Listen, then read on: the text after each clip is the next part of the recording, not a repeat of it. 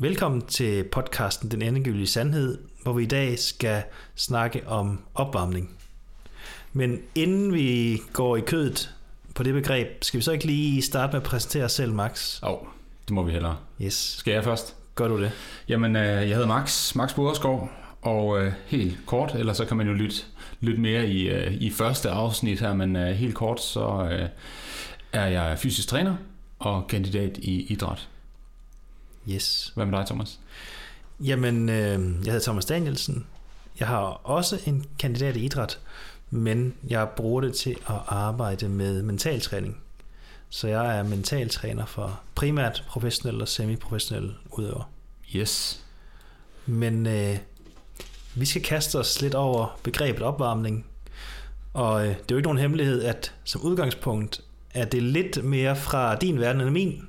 Ja. Så kan du ikke øh, lægge lidt ud med det, Max? Jo, det kan jeg da. Øh, det udsprang jo af faktisk, at øh, min bror Ja. spurgte, øh, hvad det der opvarmning der?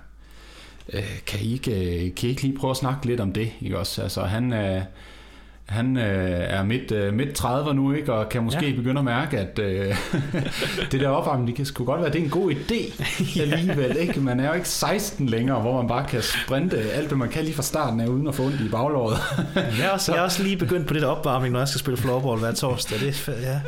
ja, så, så øh, altså, øhm, opvarmning er jo et øh, enormt interessant øh, emne, fordi det måske egentlig ikke er helt så simpelt, som, øh, som det måske er i, øh, i lærebøgerne, hvis man kan sige det på den måde.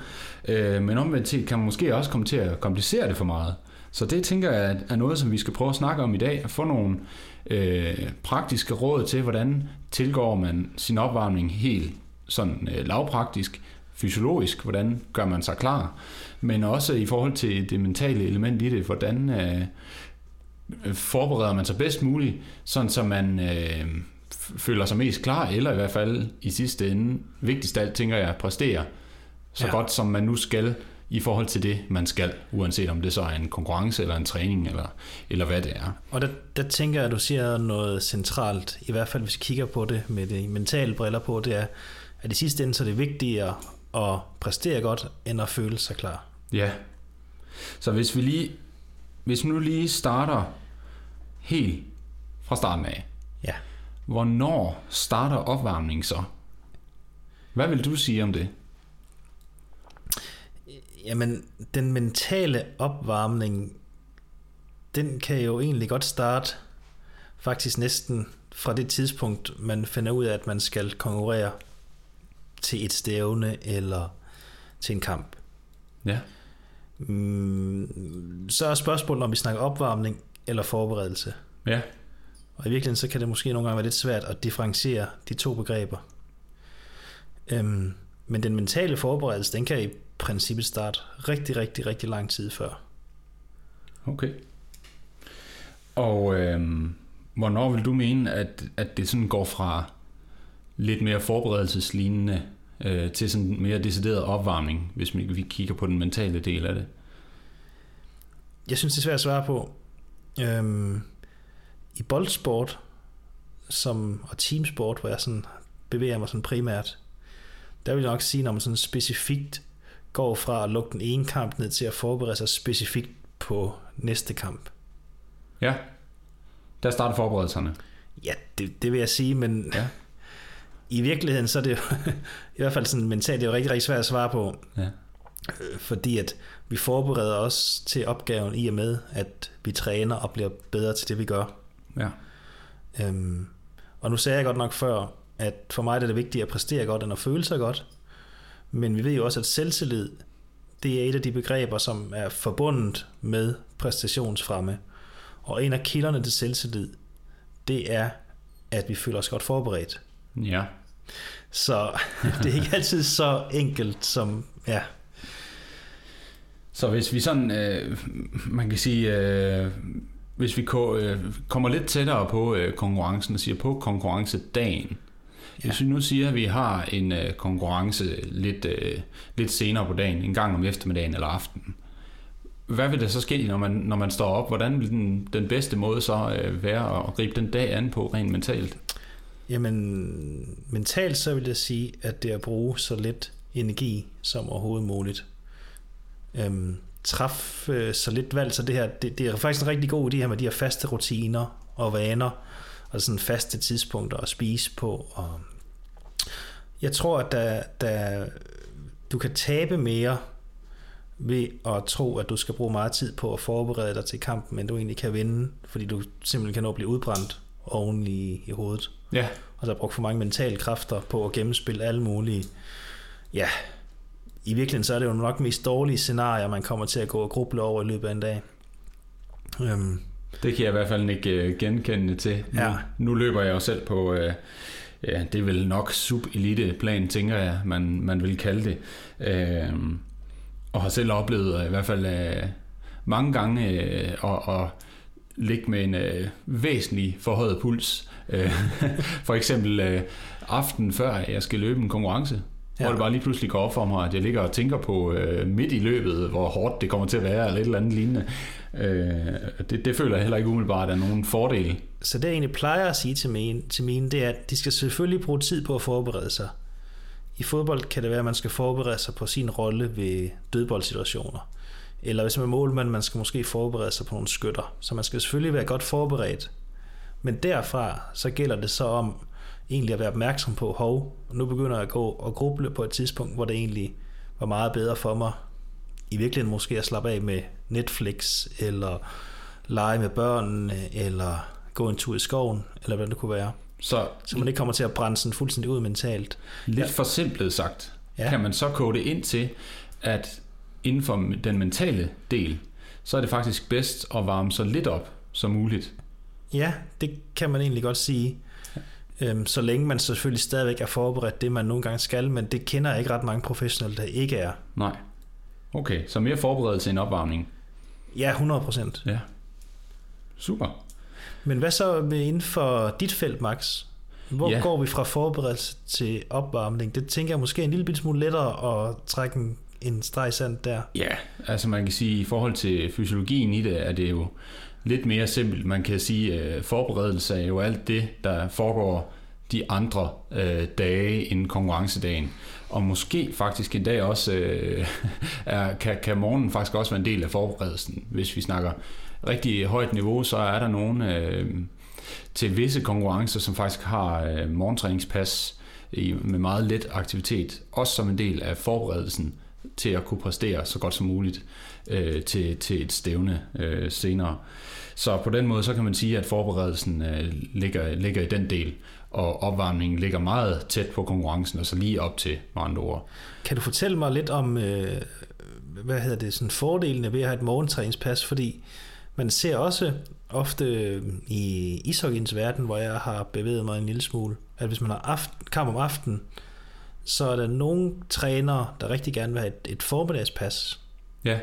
Det tænker jeg, der er selvfølgelig noget taktisk i det, men er der, er der andre årsager til det? Ja, altså der er i hvert fald øh, noget omkring øh, det, som man kalder for enzymaktivitet, og hvis man sådan skal prøve at beskrive det øh, lidt kogt ind, så kan man sige, at når vi skal bevæge os, hvilket vi jo typisk skal i sport, øh, så, øh, så skal vi bruge ATP. Øh, det er hver gang, vi trækker musklen sammen, så øh, bruger vi ATP, kan man sige. Og øh, energisystemerne, de skal så ligesom, øh, kan man sige, øh, sætte det her sammen igen, sådan så vi kan lave flere muskelsammentrækninger. Og øh, energisystemerne, for, hvor, hvor man ligesom laver den her ATP, der er en masse mellemstationer i, og alle de mellemstationer der, der er enzymer. Så det vil sige, at desto højere enzymaktivitet vi får, desto mere effektive er vores energisystemer, og desto mere energi kan vi i sidste ende lave. Og der kan man faktisk øh, se, at hvis man har, altså man kan se det, de her, det man kalder for dobbeltpas, altså at man er ude to gange på en dag, øh, simpelthen hæver enzymaktiviteten. Og det er klart, at det er noget, som man ikke anbefaler til øh, den almindelige dansker, som træner tre gange om ugen, at de lige laver et, øh, et øh, dobbeltpas den dag, de skal konkurrere. Det er selvfølgelig nok lige, øh, lige frisk nok. Øh, så det handler jo selvfølgelig om, at man skal lave noget, som er tilpas i forhold til en selv, sådan så man ikke ender med egentlig at være mere træt, når ja. man øh, skal, skal i gang med det, man nu skal i gang med. Så, så det er egentlig øh, en af de øh, væsentlige årsager til at lave et, øh, et dobbeltpas. og set med de psykologiske briller på, så tænker jeg også, at det er rigtig, rigtig god mening, det der med, at man lige kommer ud og får rørt sig lidt, og måske har det lidt sjovt sammen med holdkammeraterne, og får de sidste aftaler på plads, øhm, i og med, at man så ikke går derhjemme og kommer til at gruble over alle skrækscenarierne, som ja. man kan komme til at støde på i løbet af, af kampen. Ja. Og altså, nu fik jeg jo også lovet, at vi lige laver en, en simpel opristning af den fysiologiske opvarmning. Og hvis jeg sådan lige skal få det ja. øh, sat op, så er det egentlig ret simpelt, øh, men afhængig af den aktivitet, man skal lave. Så det vil sige, der er selvfølgelig forskel på, hvor varm eller klar man skal være, hvis man for eksempel skal sprinte 100 meter, eller man skal løbe en maraton. Ja. Øh, så i sidste ende, så handler det om, øh, hvad er det for en intensitet, man skal udsætte sig selv for øh, i den aktivitet, man er ved at varme op til. Så hvis man, skal være, hvis man ved, at når jeg går i gang med den her aktivitet, så bliver det fuld sprint og lignende. Det kunne det jo også være for eksempel i fodbold, hvor man jo ikke aner, om man skal sprinte alt, hvad man kan øh, to-tre sekunder efter øh, øh, kampen er startet. Jamen så skal man være så klar i opvarmning, at man er øh, selvfølgelig er klar til at kunne lave den her sprint uden at få øh, skavanker eller lignende af det ikke også. Øh, så det, det handler om, det er egentlig bare, at man har en gradvist øh, opbygning af intensiteten fra helt stille og rolig og rar intensitet, og så slutter i noget, som er noget lignende det, som man skal i gang med efter opvarmningen. Øh, hvor lang tid man skal være i gang, det er nok øh, ret individuelt, tænker jeg. Det er selvfølgelig også afhængigt af, hvad, hvordan vejret er. Altså, jeg har selv prøvet at konkurrere i DM Kort Cross, hvor der var øh, alt for mange minusgrader og alt for meget vind, øh, hvor jeg var nødt til simpelthen at varme op mere for overhovedet at blive varm, fordi jeg simpelthen blev kølet så meget ned undervejs. Øh, hvor en sommerdag skal man måske passe lidt mere på med kropstemperatur og dehydrering og sådan nogle ting. Øh, så der er lidt med den enkelte dag, øh, som man skal tage højde for. Men hvis man tænker i at lave en gradvis opbygning af intensiteten, øh, og det kunne være 10 minutter et kvarter, øh, så tænker jeg, at de fleste burde kunne blive klar øh, i løbet af, af den periode. Tænker du så egentlig, øh, fordi som jeg sagt et par gange, jeg har primært bevæget mig sådan i, i sportsgrenen øh, på det hold, der konkurrerer mod hinanden. Og der ser man jo typisk sådan i, i fodbold og håndbold herhjemme, at hold de varmer op sammen, og mere eller mindre gør de samme ting. Ja. Tænker du, at det giver mening, eller giver det mere mening, det som jeg har set i USA ved basket for eksempel, at der, der ligner lidt med individuel opvarmning. De har deres egne trænere med på banen og gør lidt deres egne ting. Og, ja. ja, man kan sige, øh, det ene, det er den nemme løsning, og det andet, det er den lidt mere indviklede løsning. Øh, det er klart, hvis man skal lave individuel opvarmning, så er der jo lidt mere kaos, øh, så det skal man kunne være i, men omvendt set, så er det klart, at der er jo kæmpe forskel på, hvad den enkelte skal. Hvis man nu for eksempel øh, snakker basket, jamen, så er der jo forskellige positioner på banen. Så det vil sige, at der vil også være forskellige, det man kalder arbejdskrav til de her folk her. Nogen vil du måske forvente sig, at de skal bare sprinte afsted øh, fuld tryk fra starten af, og nogen de skal måske bare øh, jogge stille og roligt op. Øh, så på den måde så er der også forskel på, hvad de skal forberede sig til. Så selvfølgelig vil det bedste være, at de øh, hver især laver den individuelle opvarmning, som de har brug for. Øh, Udover det kan det jo også være, at altså når man snakker elitesport, så er det tit, man har en eller anden form for, øh, hvad skal man sige, jeg ved ikke, om man kan kalde det skavank, men i hvert fald et område, man måske skal være lidt ekstra opmærksom på, fordi man belaster øh, kroppen hårdt. Det vil jo så måske også betyde, at man skal være lidt ekstra opmærksom på øh, ikke øh, at få en skade i det område, og dermed måske lige lave en ekstra opvarmning til, til det område. Det kunne også for eksempel være indadførende for en fodboldspiller, for eksempel. Ja. Øhm, ja. Øhm, og nu, for nogle år siden, der havde vi jo en dansker i Juventus, Jens Bangs bog. Og noget det, jeg kan huske, der blev snakket meget om dengang, det var, at han indførte, at de skulle varme op igen. Det vil sige i halvlejen. Ja. Øhm, jeg kan ikke lige huske helt præcis, hvad rationalet var, men jeg kan, om det var noget med muskeltemperatur, eller om det var i forhold til at formindske skader, eller om det var i forhold til at altså, kunne præstere, præstere optimalt. Øhm, giver det nogen mening i din verden? Fordi man har jo typisk det er en kvarters pause eller sådan noget. Jeg tænker selv på lavt, lavt, lavt niveau, Nu var jeg ude og, og spille floorball i weekenden, og det kan jeg da afstå, det var på lavt niveau i hvert fald. Men selv der, der har vi altså alligevel sådan 10 minutters pause imellem perioderne. Ja, altså jeg ved, at der er øh, lavet nogle studier på, øh, på det her øh, genopvarmning, eller, eller hvad vi skal kalde det. Ja. Øh, som faktisk, øh, der er faktisk god evidens for det, altså øh, i forhold til, i hvert fald i forhold til skadesforbyggelse, øh, er, det, er det faktisk øh, god evidens for okay. det, og øh, man kan sige, præstationsevnen, det afhænger sikkert af den enkelte, fordi hvis man nu tænker en fodboldkamp, så kan det jo godt være, at man har øh, stået mere eller mindre stille de sidste 5 minutter af kampen, eller 10 minutter af kampen, og så øh, starter næste halvleg, og så skal man sprinte afsted fra starten af måske, øh, så vil man jo ikke være klar til det. Så på den måde er der igen faktisk noget individuelt der øh, at snakke om i forhold til, er der nogen, der har brug for egentlig at varme op, er der nogen, der er så smadret, at de skal, de skal mere sørge for at prøve at rehydrere og sådan nogle ting i pausen. Okay. Så der, der vil jeg sige, det smarteste det vil nok være igen ikke at lave nogle generelle anbefalinger, men at kigge på den enkelte og sige, hvad, hvad har du brug for øh, af det ene eller det andet her. Men vil der være tilfælde, hvor det giver bedre mening, at de får lov at sidde stille og rehydrere, som du sidder, og måske lige samle tankerne, lige få pulsen lidt ned? Ja, det kunne jeg sagtens forestille mig, fordi okay. så længe er et kvarter heller ikke. Okay. Øh, hvis man har kørt sig helt i hegnet. Ja. Øh, så man er, er to slag for makspuls, øh, når, når fløjten går, ikke? Ja.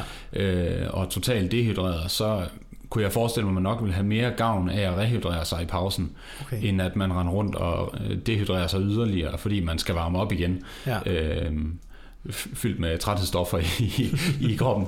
Ja. Og det var også Helt den klart. strategi, jeg brugte i weekenden. Ja. øh, Thomas, jeg har et, øh, et andet spørgsmål her, og det er et, som både øh, min, både min bror og jeg har arbejdet meget i øh, konkurrencesport sådan i øh, ungdomsårene, og jeg kan man sige har fortsat øh, heroppe i, øh, i seniorklassen her. Nu er jeg jo snart, nu er jeg jo snart veteran. øh, det er jeg faktisk inden for løb, så det skal jeg lige vende mig til. Men øh, en ting, som nok gælder næsten for alle mine konkurrencer, det er, at jeg føler mig ikke klar, når jeg står ved startstregen. Ja. Og, og hvad skal jeg tænke om det? Er det overhovedet øh, efterstræbelsesværdigt, at man skal stå og bare tænke, nu er jeg bare klar? Eller er det egentlig lige meget, hvordan man har det? I bund og grund, så tror jeg da egentlig, at det er mere eller mindre lige meget, hvordan man har det. Og det kedelige svar er som, jamen, det er jo altid det her, som vi kan grine lidt af, men det kommer jo an på. Ja. Og så tre prikker. Ja. Altså, man kan også sige det på den måde, det ville da være kedeligt, hvis det eneste, det kom an på, det var, hvordan man lige havde det den dag, at det ikke betød mere, hvor godt man havde trænet, og hvor godt man var forberedt. Så. Ja.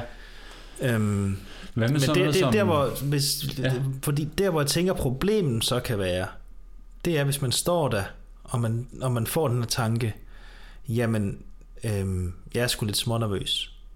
Og det er forkert. Ja. Det er der, jeg tænker, faren den ligger. Fordi, hvad kan den næste tanke så være? Det kan være, ah, men det er også der for to uger siden, der løb jeg sgu ikke helt igennem, der lige forberedt mig der, eller fodbold, jeg brændte også det straffe her for, eller i sidste kamp skete det der. Det er det, det med, at der ligesom kommer flere tanker på den her ene trigger-tanke, som det egentlig er. Ja. Og med trigger-tanke, der mener jeg en tanke, som afstedkommer nogle følelser, eller, eller flere tanker, som ikke er så ønskværdige i den situation. Ja. Så det er mere det, at man giver den her tanke alt for meget magt, end det, at den egentlig er der. Det optimale vil være, at man får tanken, hov, jeg føler mig ikke helt klar, så man egentlig bare lidt sådan kan sige til sig selv, nå, jamen øh, det var da interessant, men lad os nu se, hvordan det går. Altså man ikke bruger kræfter på den. Lidt ligesom vi snakker om det, at man skal ikke bruge alt for mange kræfter på alle mulige skrækscenarier i løbet af dagen, fordi det bare tømmer, øh, hvad hedder det, vores mentale energidepoter. Så den her også, det, altså, øh, nu ved jeg ikke, hvordan det er med løb, men i øh, boldsport, hvor man ikke helt selv bestemmer, hvor man har bolden, der er det altså ret stor betydning, at man er til stede i det, der sker lige nu her. Ja. Og ikke så meget i at få fjernet en tanke.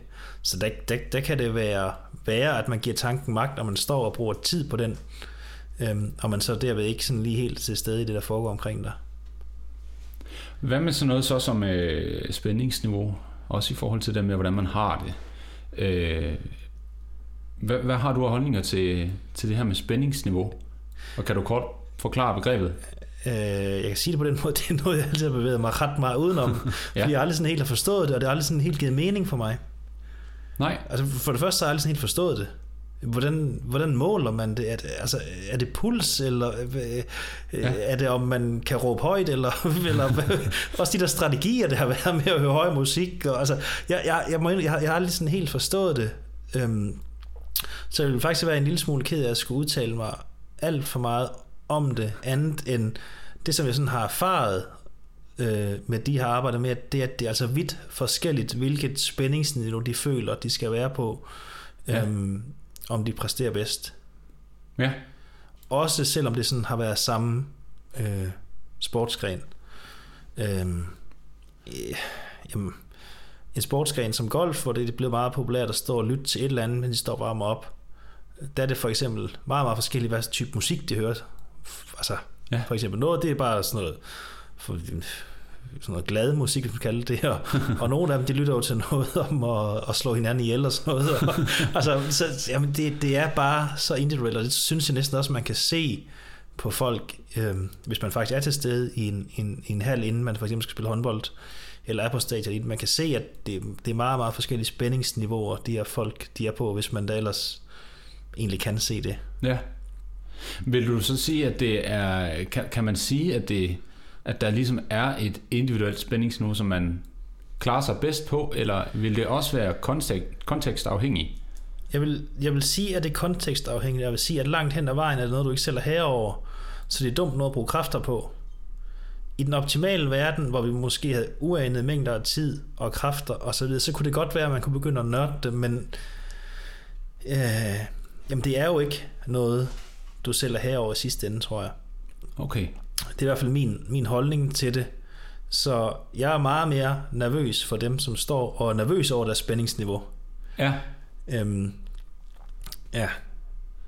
Det, det jeg kan sige, ja, det, det er jo, der, øhm, der er i hvert fald i forhold til min egen praksis og erfaring, har jeg selv oplevet, øh, at øh, jeg har for eksempel konkurreret i jamen, alt fra 800 meter ind på banen i piksko og fuld tryk på, og så op til en uh, maraton selvfølgelig er i et helt andet uh, tempo. Og uh, jeg oplever for det meste, at uh, den der 800 meter, uh, altså, jeg, jeg føler mig ikke klar, når jeg står der vel. Hvor på en halvmaraton, der skal vi alligevel sådan lidt mere stille og roligt afsted, uh, sammenlignet ja. med en 800 meter, hvor man bare skal næsten løbe alt, ja. hvad man kan fra starten af. Ja. Vil det så være, fordi jeg bare er disponeret øh, i forhold til den psyke, jeg har til at løbe halvmarathon? Eller er det fordi, jeg griber 800 meter en forkert anden? Eller hvad vil du tænke om det? Jeg vil tænke, at de fleste mennesker vil have det på den måde, som du har det. I forhold til, som du siger, at det ligger i 800 meter, at der skal vi være der fra start. Og i det andet, der kan man måske sådan lidt bedre, sådan, hvad skal man sige, øh, løbe sig op gennem feltet, og der betyder start ja. måske knap så meget. Ja jeg tænker, hvis vi skal sådan prøve at drage parallelt til andre sportsgrene, jeg tænker bokser, der skal ind og slå hinanden ihjel ind i ja. de vil nok også måske have lidt sommerfugl i maven, inden de går derop.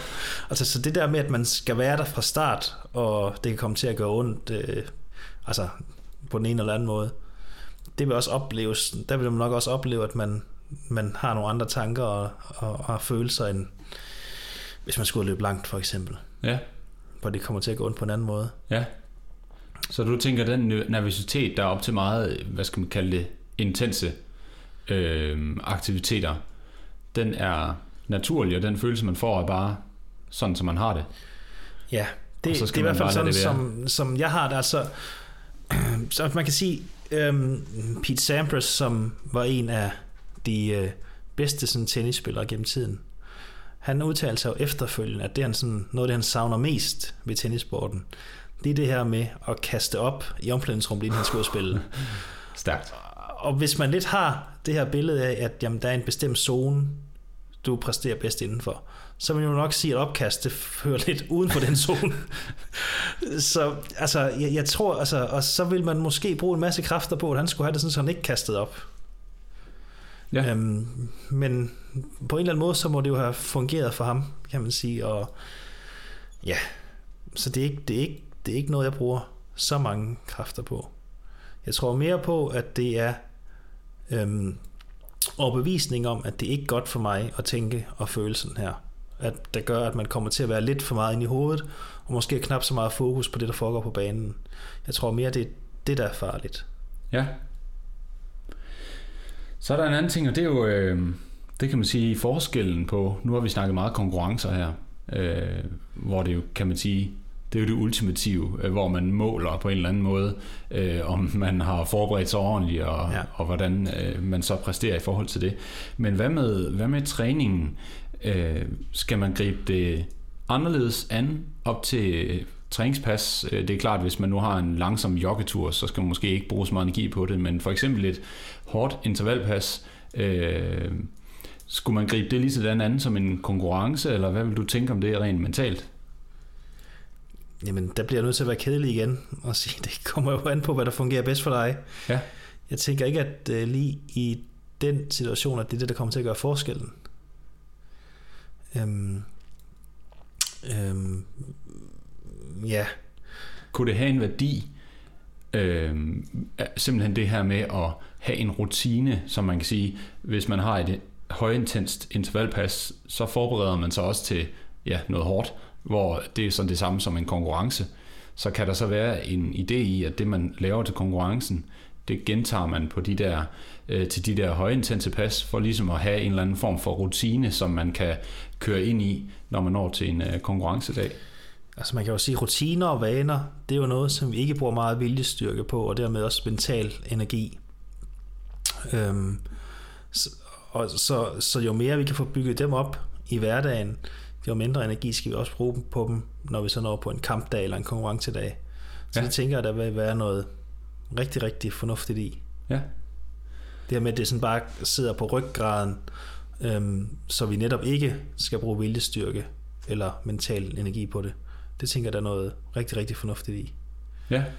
Men med, nu hvor vi er med det her med, øhm, med træning og kamp, så i de fleste sportsgrene, der træner man mere, end man er til kamp. Så mit, mit spørgsmål til dig vil også være, kan man bruge den her opvarmning konstruktivt i forhold til at blive bedre til noget, eller blive stærkere i et eller andet? Sådan så det ikke kun fungerer som opvarmning af muskler og led, men egentlig også, hvis du forestiller dig, at vi har en radio på, lad os bare sige 5 til 1. Vi opvarmer fem gange om ugen til noget træning, og måske kun en gang til kamp så vil der være noget idé i at lægge et eller andet ind i det, som kan gøre os bedre på sigt. Ja, altså det alt sammen afhænger jo igen af, kommer det igen den ja. sætning der, men alting afhænger jo selvfølgelig af det overordnede formål med, med den konkurrence for eksempel, man skal til.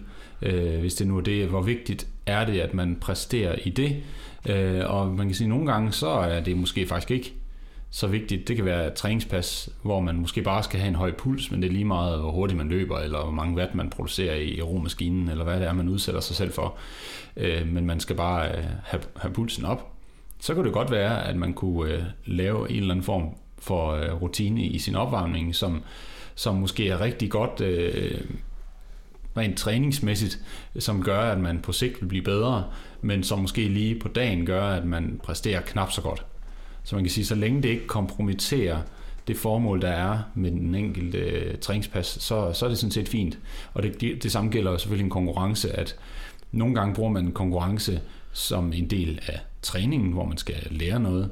Øh, der kan man sige, der handler det jo så igen om, at man skal blive bedre. Så der kan man jo sagtens også bruge opvarmningen som en del af det. Øh, hvorimod der måske er andre gange, hvor man kan sige, at den her konkurrence den bliver så hård, at jeg ved, at der skal jeg spare på kræfterne så meget som overhovedet muligt for at komme igennem øh, selve passet. Og det var også der for eksempel øh, en maraton øh, Øh, skal man nok ikke rende rundt og lave øh, 10 gange 100 meter, inden øh, man skal ud og, og løbe maraton, medmindre man er ude på at slå verdensrekord. Der tror jeg ikke engang, de gør det. øh, så, så der skal måske spare kræfterne til aktiviteten, fordi ellers så, så går det i vasken, når man øh, går i gang med, med konkurrencen. Ikke også? Så det, det er sådan en overvejelse på den måde.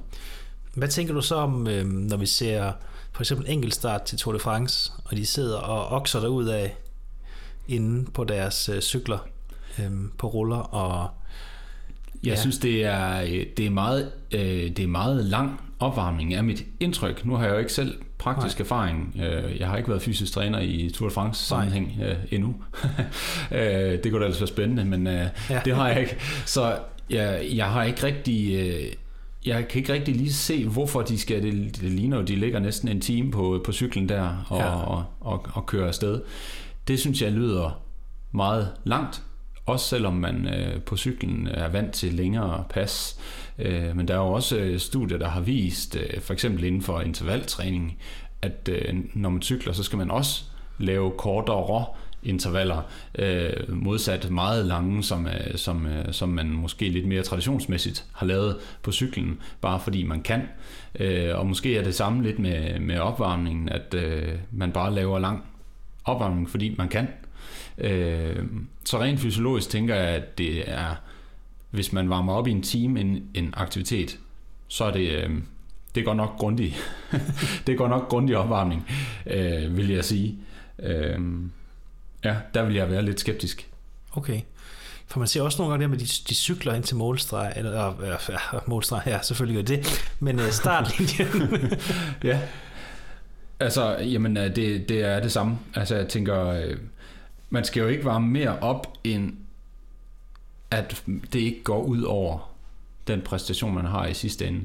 Og nogle gange, så kan man måske være lidt bange for at varme for lidt op, og så ende med at varme lidt for meget op.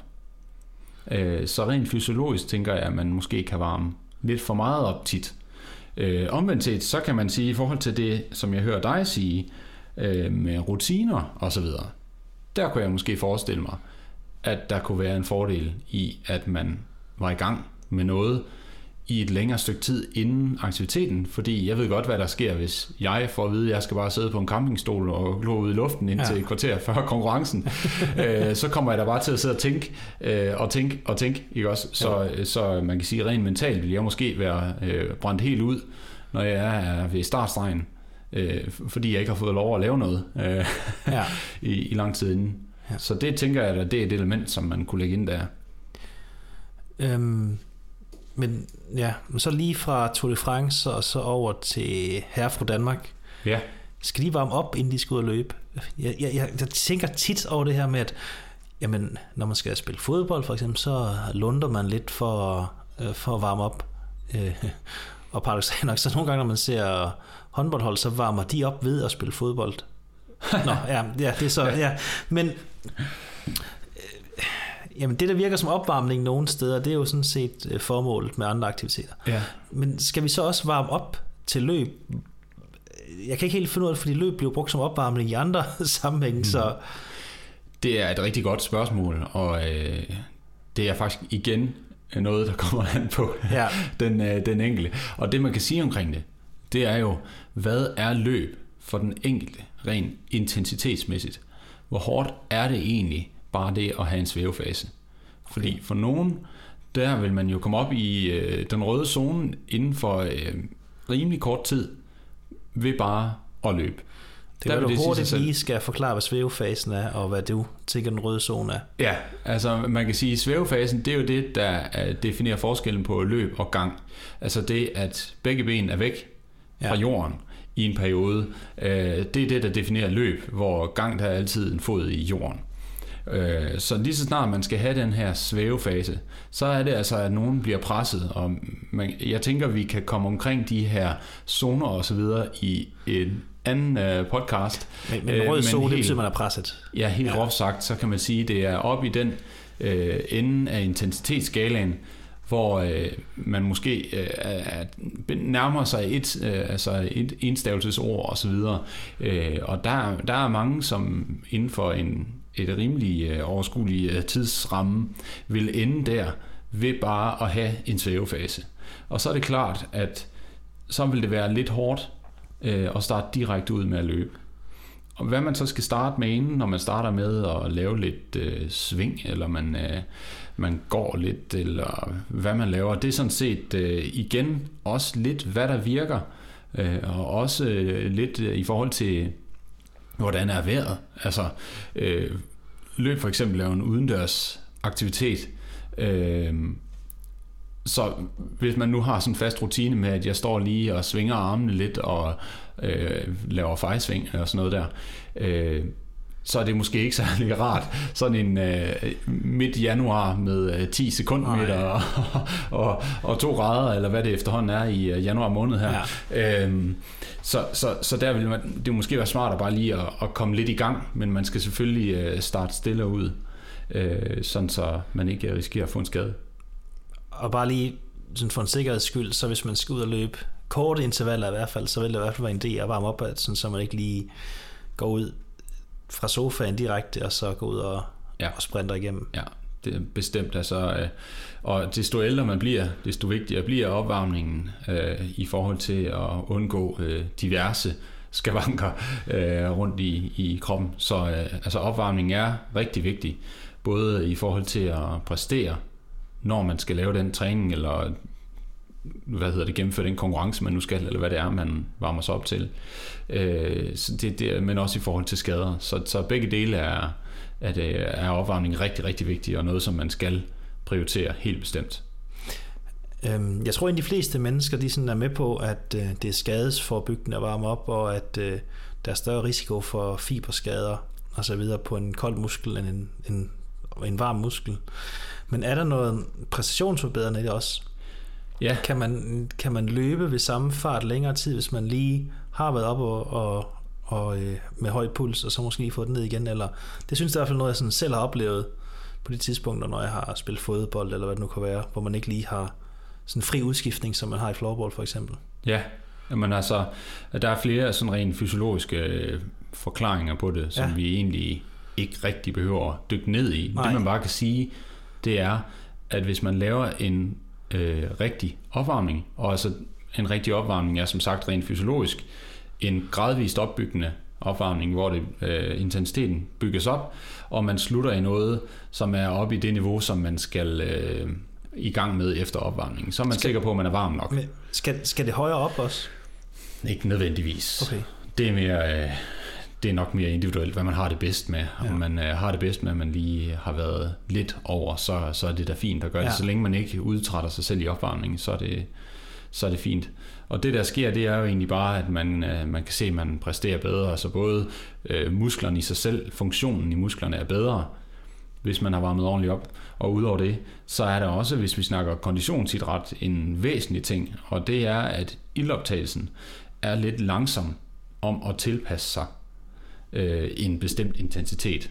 Øh, og det betyder, at hvis man ikke har varmet gradvist nok op, og så bare går direkte på lige og hårdt, så risikerer man at øh, arbejde det, man kalder for anaerobt, hvor det, der sker, det er, at man ophober træthedsstoffer i starten.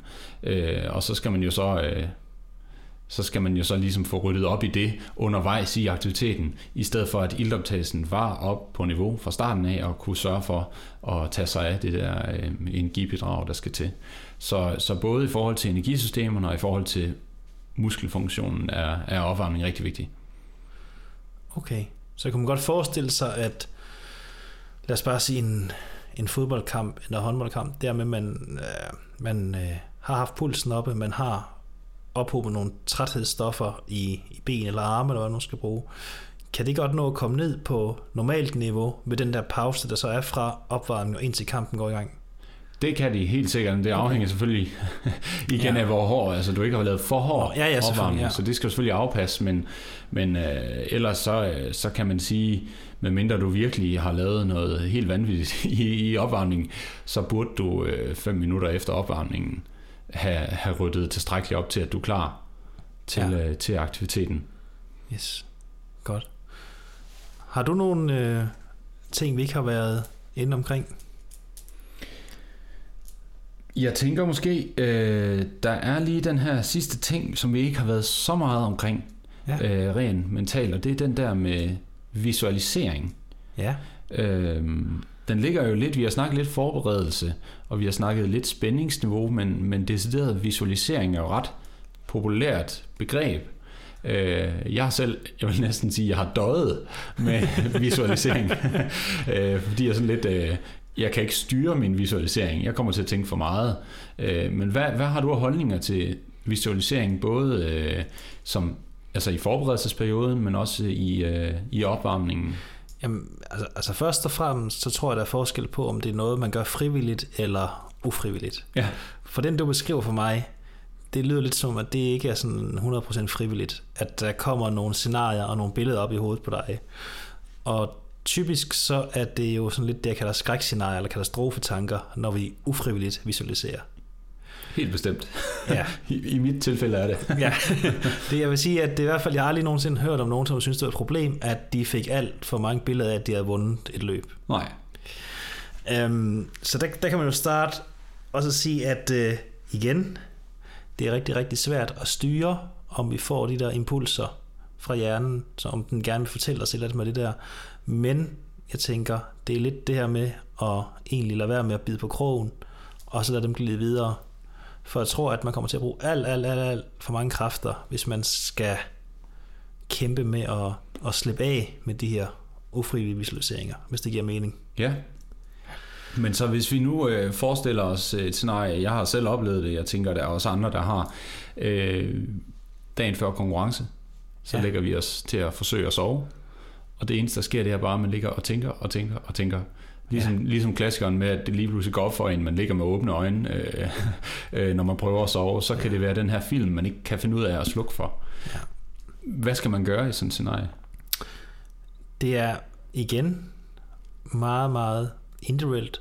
For nogen, der er det nok det her med at fortælle dem, jamen prøv at høre, fordi at du forestiller dig, at du skal sove, så kommer det altså ikke til at ske næste dag.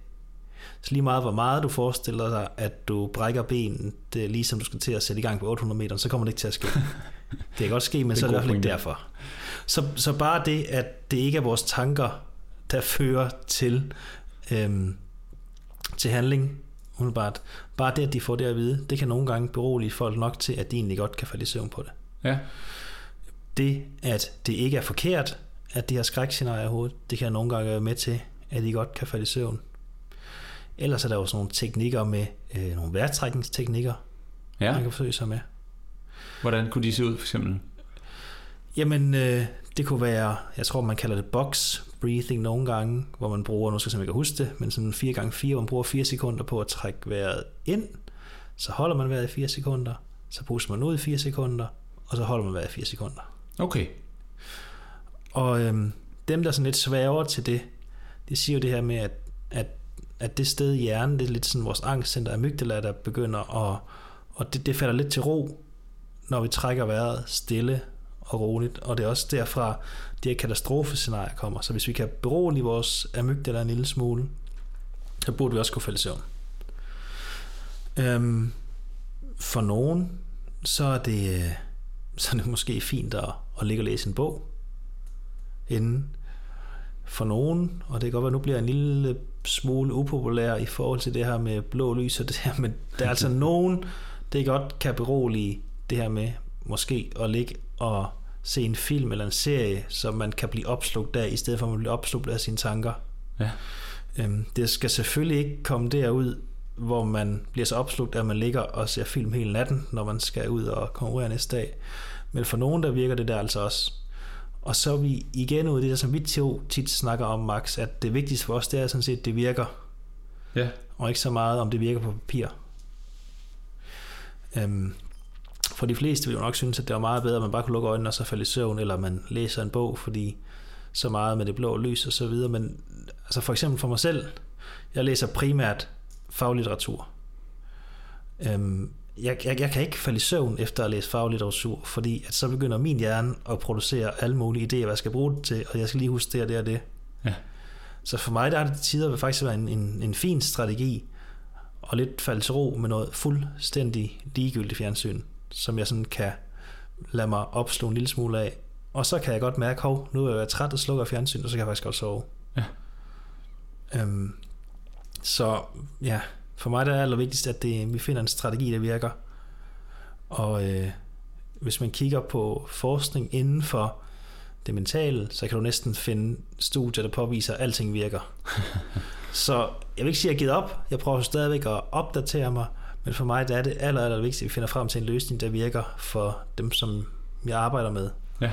Og hvis det er at se en halv times fjernsyn, så ja, så er det okay med mig. Ja, ja.